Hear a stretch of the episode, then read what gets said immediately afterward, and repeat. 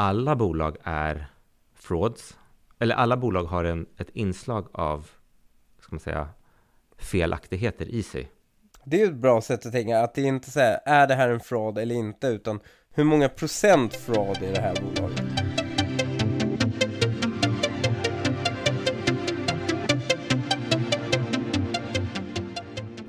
Folk stoppade in pengar på den här kryptobörsen, du stoppar in dina bitcoin. Lite som, om man ska göra en parallell, det är lite som, jag stoppar in mina pengar i Avanza. Ja, precis. Ja, precis. Men, exakt. Men Avanza skulle ha en hedgefond vid sidan om som bara tar alla pengar som du stoppar in på Avanza och eh, råkar spekulera bort dem. Eller, eller, eller skänka bort dem i olika välgörenhets... Jävlar! Ja, det är, det är grovt. Eh, ett, det är så att säga det mer tekniska som skedde. Det jag tycker är intressant med den här fråden och andra frauds, det är det är en sorts spegel mot samhället. En riktigt bra fraud rider ju på samhällstrender. Och eh, Sam Bankman-Fried som var representant för FTX, han var ju den här, uh, han framställde sig som extremt woke, gav massor med pengar till woke causes och uh, blev väldigt omfamnad av uh, samhället. Ja, han, blev, han var ju såhär keynote speaker på Washington Journal och liksom hade stora investeringar till demokratiska kandidater och, och, och donationer och olika rörelser som, som vänstern tycker är fina liksom. Och så tjänar han pengar på något konstigt sätt som, som man inte riktigt kan förstå. Ja exakt, de fattade inte. Some, something crypto, tänker ja. man bara och stänger av hjärnan. Men eh, har du sett eh, annonsen som de hade på Super Bowl? Eh, du skickade den till mig ja. tidigare. Så jag med... hann se den och den var helt jävla otroligt påkostad och välgjord.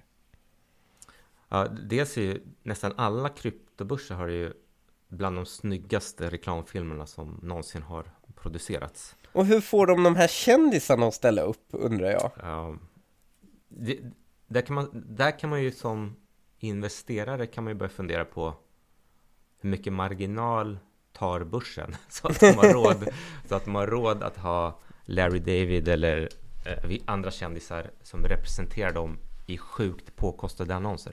Ja, men den annonsen som de, vi, vi kan länka in det i, mm. i description här Den, den var verkligen så här. Eh, bilden den gav är att alla goda idéer har folk sagt nej till eh, och tyckte att det var en dålig idé. Och det här är en ny idé som eh, där, om du säger nej till den så är du som den idioten som sa nej till hjulet eller toaletten eller bestick eller eh, alla innovationer liksom som vi tar för givet idag. Så, och sen, nu får du absolut inte missa, liksom, säg inte nej nu, för då missar du den här vågen. Eh, den, det, det är det intrycket man fick av den här reklamen.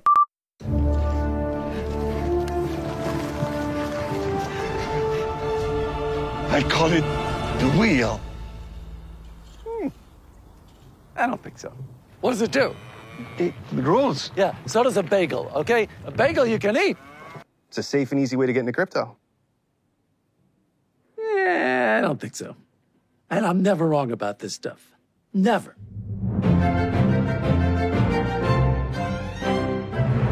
Franklin!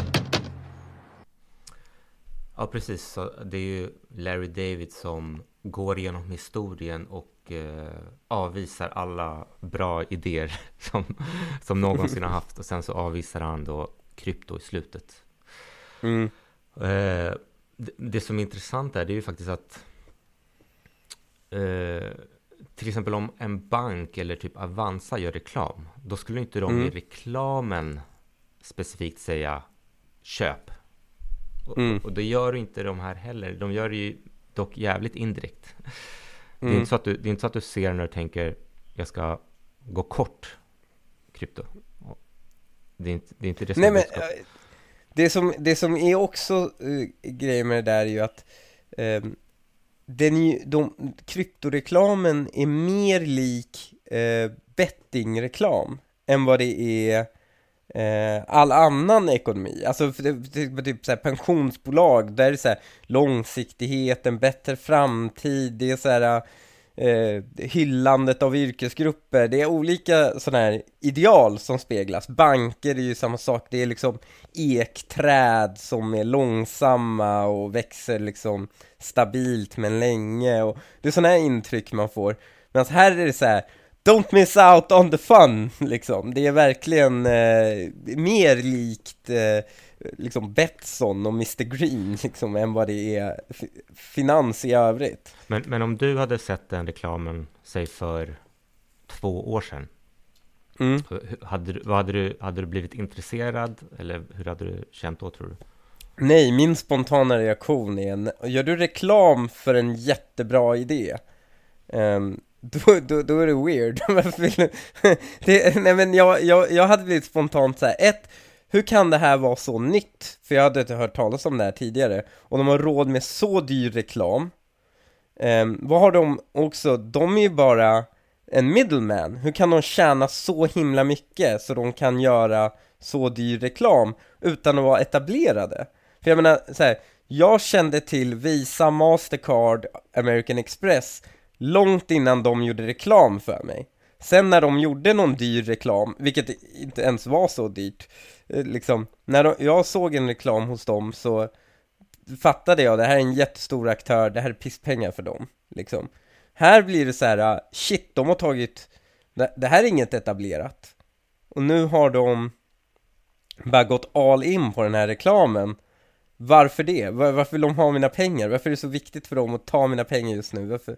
Jag hade blivit skeptisk från början Men det är i och för sig lätt att säga nu när man facit i hand Men jag är oftast väldigt skeptisk till eh, Jag tror det är från min barndom när min mamma investerade tungt i Ericsson-aktier mm.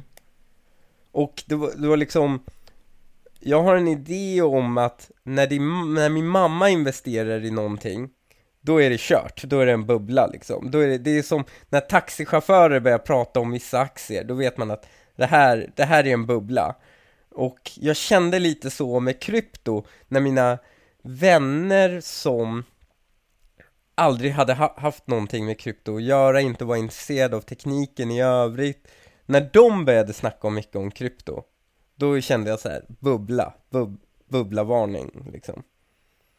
Um, men nej, jag är allmänt ganska skeptisk till uh, reklamen, särskilt så här viben man får att det är uh, sen, sådär Sen fanns det ju en, uh, det fanns ju också att må många av de här kryptobankerna eller kryptobörserna gick ut och sa att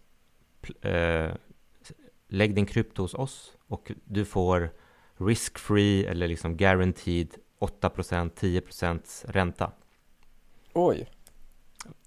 Hur, hur, om du hade sett en sån annons, hade du tänkt, vad, vad hade du tänkt då? Uh, too good to be true. Fan, vem är det som kan ge, varför kan de ge 8%? Då, då ger vi bara pyramidspelsvarning. Om de, deras ränta är substantiellt högre än övriga samhället än vad andra kan erbjuda, så vem är det som pyntar det här? Det är någon som måste pynta det i slutändan Tänker jag Tänker jag fel då Nej, du, eller? Du, eh, jag skulle säga Du ligger way ahead Många investerare med att du tänker eh, Att det är för bra för att vara sant Det är ju mm. en otroligt bra princip när man ska hitta fraud Sen, du var inne på en annan, annan princip som eh, jag skulle kalla, eller som man kanske kallar Why am I so lucky? Mm. Om någon kommer till dig bara, här är ett sjukt bra investeringstillfälle, det är liksom jättebra avkastning. Då är det mm. så här, men så här, varför får jag det här erbjudandet? Om det är så, mm. så bra. I viss mån kan det vara så här, med folk som säljer extremt, hävdar att de säljer framgångsrika tradingstrategier till exempel. Mm. Då kan man ju fråga sig, varför, varför, varför säljer du den här strategin om den är så bra? Varför stoppar du inte bara in alla dina pengar själv? Ja men här är, här är liksom det konstiga i, om du har en produkt, nämligen 8% ränta, mm. garanterat utan risk då Varför skulle någon annan någonsin lägga in sina pengar i något annat konto? Och varför behöver du ens göra reklam för det? Då är det väl alldeles uppenbart för alla att det här är en schysst deal. Nej men då skulle jag ju känna, det här är ju en själv, det är som att så här, äh, det bolaget som säljer en Porsche en miljon kronor billigare än något annat bolag, den behöver inte ens göra reklam. För då skulle jag, det spridas automatiskt känner jag. Ja, precis. Om det var och särskilt legit. inte, va? Om det var legit. Ja, om det var legit. Mm. Men om någon pushar för att eh, bara, ah, nej men vi är lite inte bara lite bättre utan vi har fem, sex gånger högre avkastning än vad någon annan har. Eh, och det är bråttom för dig att säga ja till det här. Säg inte nej till det här. Du måste säga ja till det här. Det är också en sån här sälj... Här, du och jag var ju aktiva i eh, Moderata ungdomsförbundet när vi var väldigt små. Mm. Och eh, där lärde, oss, lärde de, jag lärde mig mitt första säljknep där. Det var ju att få en person att säga ja, ja, ja flera gånger. Och sen när du kommer till avslut så kommer den ha lättare att säga ja.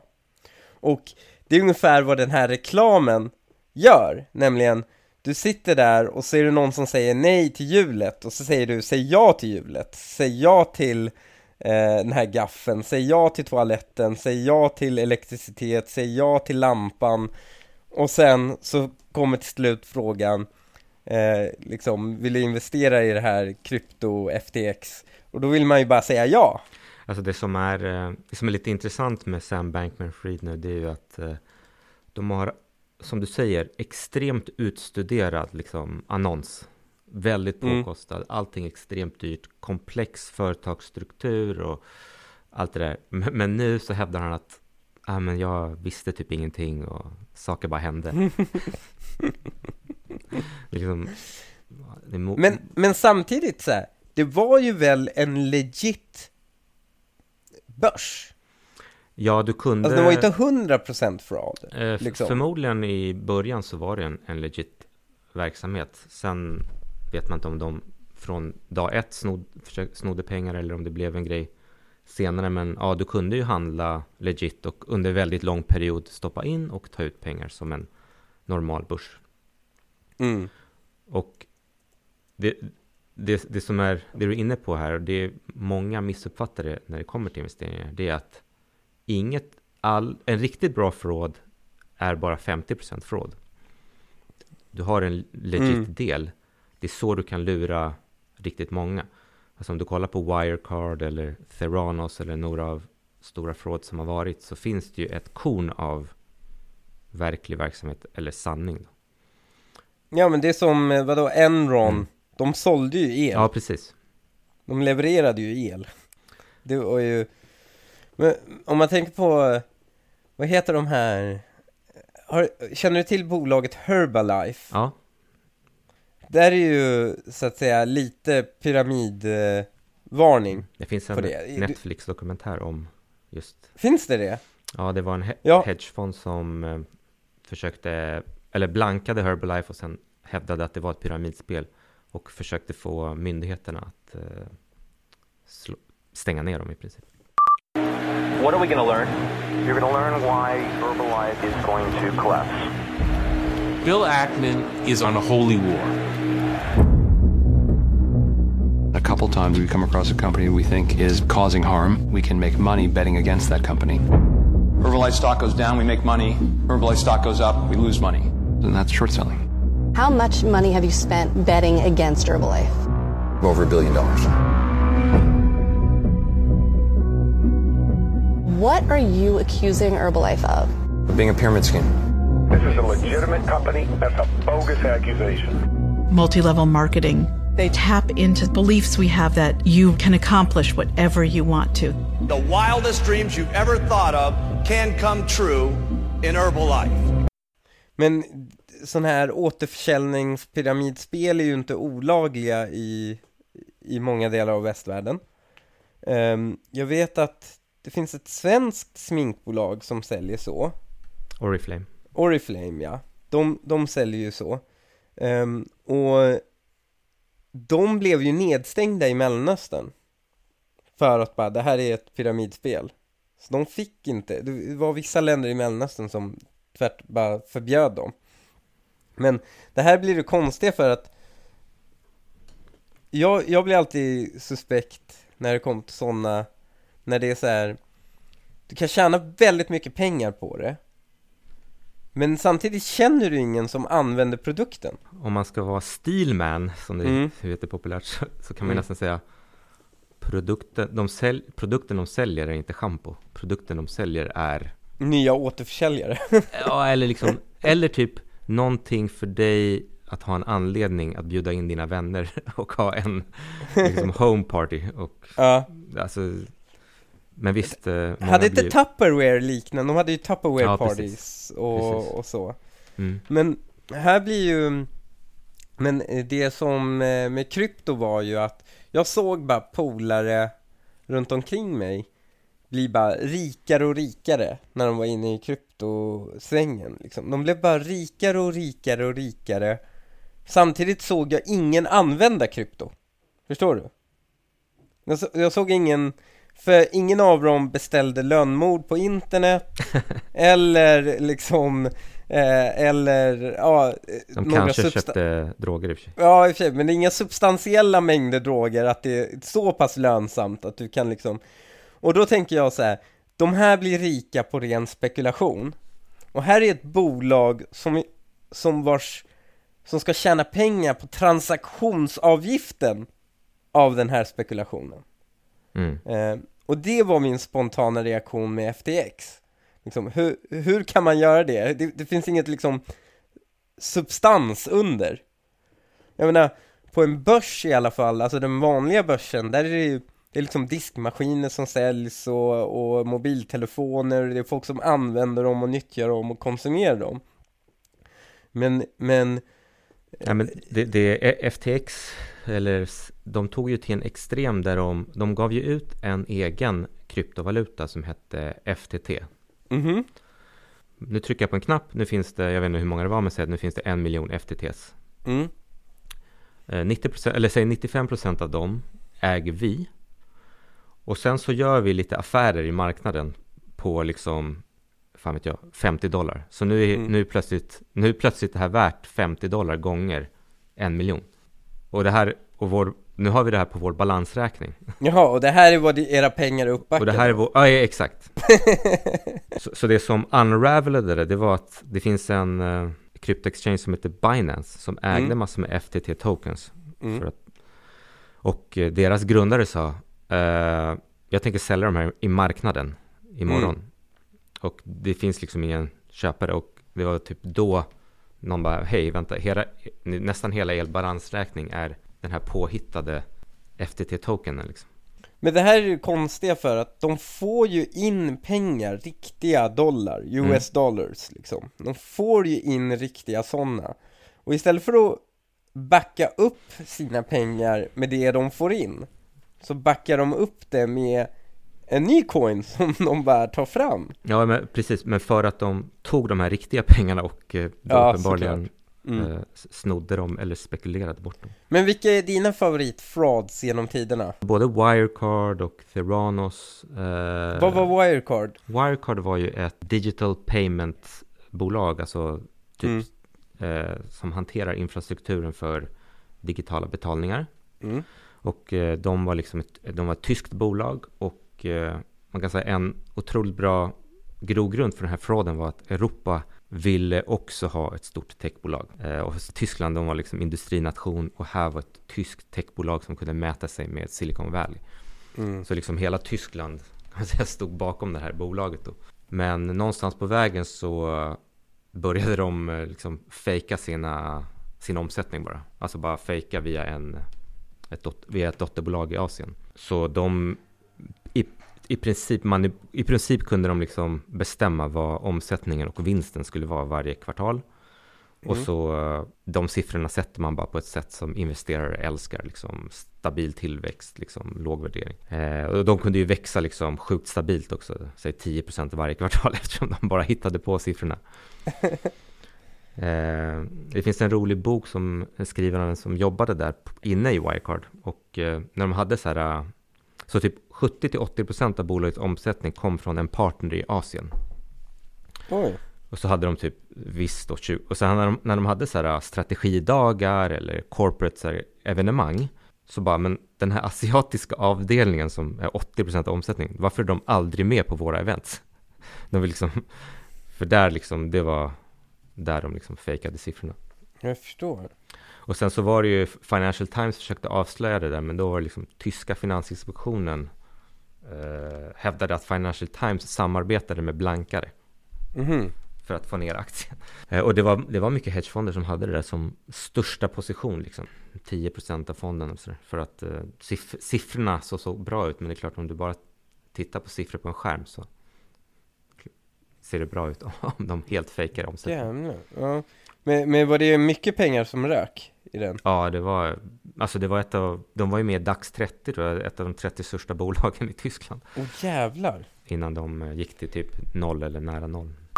In 2005, a little known startup called Wirecard joined the Frankfurt Stock Exchange. The payments processing company soon became a unicorn, eventually surpassing Deutsche Bank, Germany's biggest bank, in value and attracting notable investors such as SoftBank. Despite allegations of accounting irregularities over the years, Wirecard grew to become Europe's largest financial technology company, worth $28 billion at its peak. The former CEO of Wirecard has been arrested on suspicion of falsifying accounts. This after the German payments firm disclosed a $2.1 billion hole in its balance sheet. Then in June 2020, it filed for insolvency, finding itself at the center of one of the biggest financial scandals in history. Men det känns som den gemensamma nämnaren för många frauds, alltså att de är Det är coolt för tillfället, alltså det är någonting som verkligen så här efterfrågas, så bara dyker upp där Det, det Ja. går i samhällets värderingar Exakt, jag tror typ att så här, äh, det, det skulle vara svårt att göra en eh, Jag ska borra efter olja i Sverige, alltså det är så off eh, Mm. I och för sig kanske energi, men Men om du, jag tror liksom om du skulle göra, men som sagt Wirecard, men om du skulle göra någonting nu, om jag skulle gissa på vad som är liksom Red Hot Zones för frauds, det är väl liksom AI Mm. och typ AI och liksom miljö batterier, miljö, energilagring. Mm.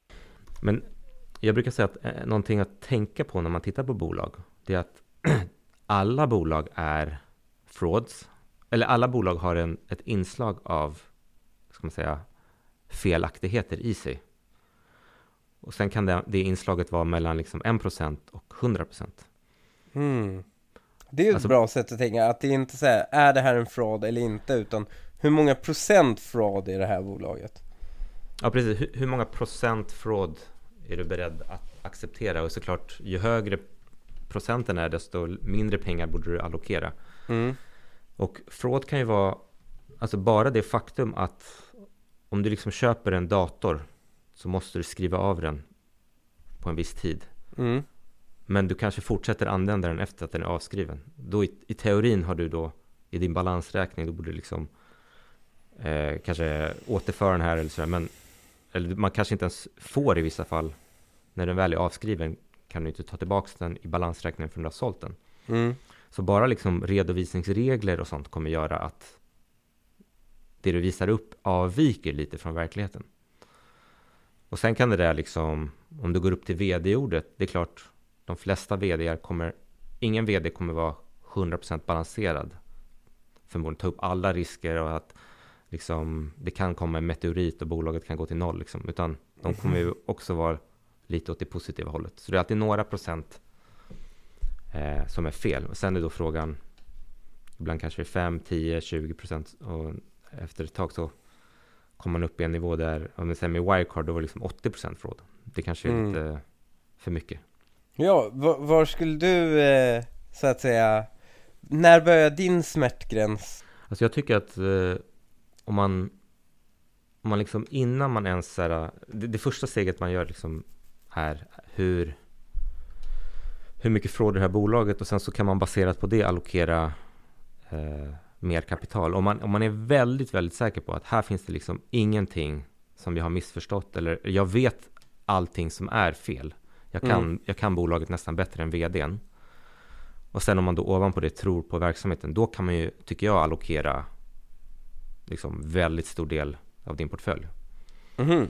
Men ju mer komplex bolagen blir, desto fler delar det är, det blir ju svårare och svårare att förstå. Eh, Mm. Så då hamnar man i princip i andra änden. Då säger, folk säger ju du ska äga 30-40 bolag om du bara ska investera för att, för att ge utrymme för att några av de här kanske smäller. Men hur gör man om man vill få bättre insyn i bolaget än vdn? Hur liksom, hur, eh, hur gör man sin due diligence i ett stängt bolag? Så, Ja, antingen, om det är onoterat då, så antingen Mm.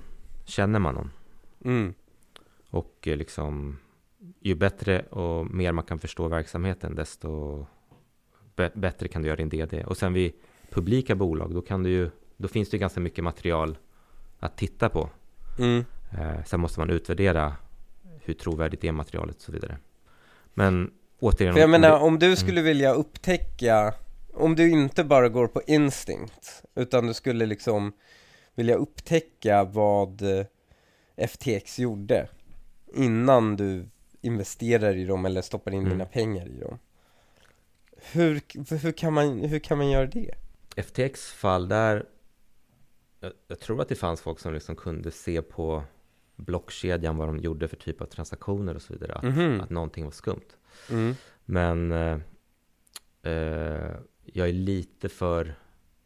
Och där fanns det också folk som eh, raisade red flags kring liksom Sam Bankman-Fried och hans sätt att prata om det de gjorde. Att det var, eh, att det var suspekt. Det var, Mm. det var faktiskt så Terranos började avslöjas av en journalist för han läste en intervju med henne och han tyckte att hennes liksom sättet hon pratade om blodtester var på en så amatörmässig nivå så det gjorde honom suspicious över, eh, misstänksam över vad bolaget egentligen höll på med och sen började han gräva Mm. och eh, grävde fram Och det var det där bolaget som, eh, de skulle via typ blodprov sälja, lösa all, liksom fasa ut primärvården bara genom att ta blodprov på folk typ. Ja, precis. Du skulle ta en liten, liten droppe blod och kunna göra testa för hundratals olika sjukdomar och symptom. Mm. Och, eh, Och så var hon kvinna, hon var ung, Ja, hon och det säga- var också i tiden. körde Steve Jobs eh, polotröja. Ja. Och hon, var ganska rolig för när hon pratade om vanliga blodprov så hon jämförde det, med- hon jämförde det med medeltida tortyrmetod för vanligt blodprov. Och det var det, därför du bara skulle ta då en En droppe litet, blod. litet droppe. Ja, Men det funkade ju inte för man behövde tydligen väldigt mycket blod för att eh, analysera de där sakerna. Ja, precis. Det, det, det har inte riktigt klarlagt liksom vart det där gick från någonting som man kanske trodde på till ett fraud. Eh, Nå, Mm. någonstans, någonstans hände det för liksom, det gick aldrig att få fram en teknik som med så lite blodceller kan göra så många tester. Eftersom Ja. de metoder som fanns idag, varje test kräver liksom En viss vissa mängd tester blod, behöver du en viss mängd röda blodkroppar. Mm, och det mm. finns inte tillräckligt i samplet. Sen försökte ju de liksom spä ut det och, och så, men, men eh, eh, det funkar. Men, men de, det hon gjorde otroligt bra där, hon lyckades ju stäfa styrelsen med ett gäng gamla gubbar. Eh, Ja. Och så här gammal, eh, vet han, eh, generalen från, han som var ansvarig för The Surge i Irak. Och då, då börjar folk tänka, jaha, de kanske har ett kontrakt med militären. Därför den här Ah. generalen sitter i styrelsen. Och så, och så, han hade dessutom sagt i en intervju, så han så här, om tekniken funkar så är det jättebra att ha liksom on the front lines, för då kan du testa. Men, men, det, men det här första, om det funkar. Om det funkar. ja, exakt. Men hur, hur mycket insyn har en styrelse i allt det där? Litar de på bara vdns ord eller? I det, läget, I det läget var hon ju väldigt strategisk med att välja ut eh, liksom, gubbar som litade på henne och som kanske inte förstod det medicintekniska. Mhm. Det var ju, eh, de fick ju också extremt höga styrelsearvoden. Mm. Eh, ja men typ så här 500 000 dollar per år och sånt. Mm. Och eh, det, det var en kul, eh, i rättegången så eh, de åklagaren sa ja, men liksom, kolla, kolla ni betalade liksom 500 000 dollar. Det är ju uppenbarligen bara för att de skulle liksom look the other way. Mm. Men de hade, bolaget hade så, försvarsadvokaten sa så här, han vände på det och sa så här, men kolla, Elizabeth Holmes litade på de här styrelseledamöterna. De fick så här mycket betalt och ändå hjälpte de henne inte. Så hon är oskyldig. Liksom hon, hon, hon, försökte verkligen få dit de bästa, betala mycket pengar. Och ändå så hjälpte de henne inte. Så det var... vände på det. I had heard about Theranos and Elizabeth Holmes. But you know, her story is so compelling. She was going to herald a revolution in medical treatment in this country. It was obviously such an incredible story. A woman creating this $9 billion company. Everyone worshipped the ground she walked on. She could do no wrong. She was the next Steve Jobs. The idea with the Edison was to stick the lab inside the box. She wanted Edison devices in every home in America. This could be the apple of healthcare. You all are part of something that is going to change our world. What higher purpose is there? Elizabeth came to me and she described her idea. It's impossible physically. Elizabeth was lying about the accuracy of the blood tests. It's all a show. She didn't want anybody to see what was going on in there. We don't need to explain ourselves to competitive companies. She aligned herself with very powerful men who succumbed to a certain charm. She was deceiving investors to the tune of $400 million. It comes back to fake it until you make it.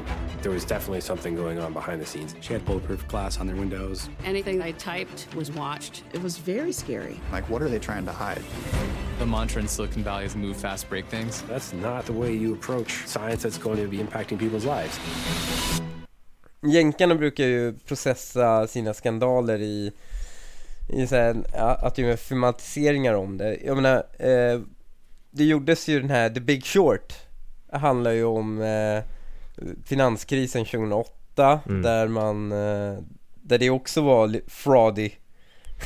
eh, det sjuka är ju att eh, boken The Big Short, mm. som filmen baseras på, är ju skriven av eh, Michael Lewis som är eh, sjukt bra författare och skrivit många eh, episka, eller han har skrivit en av de mer episka finansböckerna som heter Liars Poker. Men i varje fall, han hade skrivit eh, The Big Short och han har även skrivit Moneyball, eh, mm. massor med annat som blir filmer.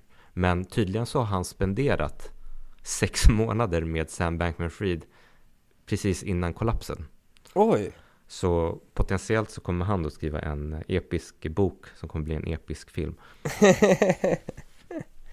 Blev inte Sam Bankman-Fried lite, som då ledde FX, blev han inte lite nervös när så här, den här killen som bara dyker upp på, på krascherna plötsligt dyker upp och vill ha sex månader med mig? Ja precis, han har, uh, han har otrolig timing att vara på rätt ställe. Men, um, um, det, det, de, så det, det lär ju bli någon FTX-film uh, sådär om det här också. Mm. Men eh, man tänker ju att så här, de här traumorna, som, att, att folk lär sig mm. och sen och lär sig identifiera en fraud, att allmänheten gör det och det blir svårare och svårare att göra det. Mm. Men det verkar som bara att det byter form. För mm. att i takt med att samtiden ändras så ändras ju frauden eh, med eh, själva bedrägeriet blir så att säga någonting som behövs i nutid helt enkelt. Att alltså det, intressant, ut... det intressanta är att de blir ju större och större, alltså är, är snabbare än inflationen också. Mm. eh, för jag kommer ihåg när jag, när jag pluggade finans, då var det, det var liksom Barings Bank som, ja, det var, de handlade det var en trader där som förlorade massor med pengar på att handla japanska index eh, rakt in i en jordbävning. Men mm. det, men, men, och det var en fraud man läste, eller ingen fraud, men ja, typ en fraud som man läste om på plugget. Men nu är den så liten jämfört med saker som har hänt sedan dess. Så att det är liksom så knappt en notis. Jaha, ja. eh, men, men sen, det är intressant att tänka, kommer det komma en ny listetta inom några år? Förmodligen. Ja, frågan är vad det är då nästa gång. Men mm. det måste ju vara, jag tänker, någon AI som genererar klimatsmart eh, någonting och energi. Ja. Jag menar energi lagring. hade ju, Enron var ju energi. Ja. Eh, men nu är det ju grön energi tror jag. Mm. Det, det, det måste, det, det, det ligger i liksom i samtiden. Frågan är då om, om man ser en sån tendens på, och säger att det är börsnoterat, då ska man, Mm. Ska man försöka rida vågen. Men det borde man faktiskt, om man är lite modigare. Jag är ju väldigt konservativ med pengar. Ehm, så jag uh, bettar aldrig, alltså de enda investeringarna jag har gjort i, i bolag ehm, är antingen att jag själv varit delaktig, liksom. Mm. Alltså att ta fram produkten. Vilket i och för sig inte har gått så bra varje gång. Men... men Lärorikt. Lärorikt var det. Men, eller för den delen, men då har jag mest förlorat tid, vilket inte ska underskattas heller. Men, men eh, det, eh, det också är så här, det är en produkt jag själv använder Mm. och känner till. Mm. Men jag skulle ha så himla svårt att investera i någonting jag själv inte har någon kännedom om själva produkten de säljer. Förstår du? Bara, bara på bolagets allmänna, liksom, bara gå på finansiell data som publikt. Jag, jag hade nog haft så svårt för det, för det känns som en större risk då. Jag menar, jag, de gånger jag har gjort väldigt bra, så här, väldigt bra investeringar, då har det varit inom till exempel gaming, där jag vet att jag ser verkligen fram emot det här spelet. De har gjort väldigt bra spel tidigare. Jag tror att nästa grej kommer att bli riktigt bra också. Och men det är också en bett. Man har ju varit med om studion som publicerar totala floppar liksom. Trots att de har haft jättebra. Men, men eh, så, så, så när det kommer till nästa, liksom, då måste man ju våga säga så här. Det här är en fraud, jag tänker rida det här och jag vill ha så här mycket avkastning, sen hoppar jag av. Och inte så här, jag ska, jag ska rida den tills piken.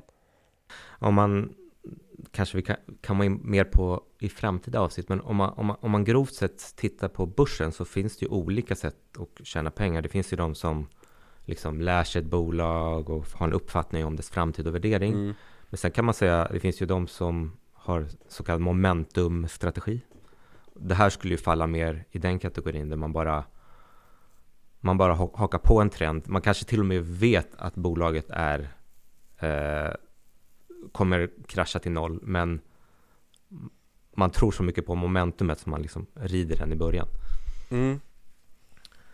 Eh, och det är ju anknyter till folk som investerar liksom bara baserat på grafer. Ja. Eh, Men ju ha, hade du kunnat ofta- hade du kunnat jobba för ett sånt företag då? Okej, och investera i ett så här, nu hade du kunnat jobba för ett så här, ta, låt oss säga, ehm, ja men som, som eh, den här, var det General Petraeus? Hette han Mm, va? Ja. han var ju Och, med ja, i det. menar, Ja, du menar, hade jag tagit ett jobb på Theranos eller liknande? Ja exakt, hade du tagit det bara, det här är jävligt fake men de betalar så jävla bra nu, jag rider ut det här och sen hoppar jag av Jag skulle vilja Det är ju säga- motsvarigheten till att göra samma, det är ju motsvarigheten till att investera i det, eller? Fast Mm. Ja, via bra- lönecheck liksom Det är en bra analogi. Nej, alltså man, jag skulle vilja säga att det är klart man vill ju kunna se sig själv i, i spegeln och inte bara eh, hå- hålla på med någonting som är fake. Om man hade alternativ skulle man ju säga nej. Ja, det det är så. Men, men det är en intressant poäng du har för att de, många av de här bolagen, det är en stor effort att hålla hemligt eh, frauden, eller, liksom, eller att upprätthålla att eh, vi har en riktig business. Liksom. Ja. Det var därför i Wirecard så kunde aldrig den asiatiska avdelningen vara med på kickoffen, för det är liksom, då hade det avslöjats att eh, det är påhittade siffror. Men en annan grej som jag också har med, alltså förutom när min morsa investerade i Ericsson och, och allt det där var ju när eh, Telia, jag var ganska ung då, när Telia skulle börsintroduceras. Ja, då var jag, jag var nog också ung, jag kommer inte knappt ihåg vilket år det var, men eh, det Ja var men det väl- var typ 2003, 2004, alltså jag kommer ihåg att Göran Persson var statsminister. 20, 20, år 2000 så det. Var det 2000? Jävlar vilket minne jag har Att jag kommer ihåg det. Jag var 13 år och jag kommer ihåg Telia var på nyheterna hela tiden Och det var liksom regeringsrepresentanter ute och hypade det här bolaget på presskonferenser liksom Göran Persson pratade om detta som en folkaktie. Och skulle man börsintroducera och det här då kommer ut och eh, när, när det här då introduceras så bara kraschar hela aktien. Mm. Och det blev så här, ja men det blev, det blev folkförlust helt enkelt.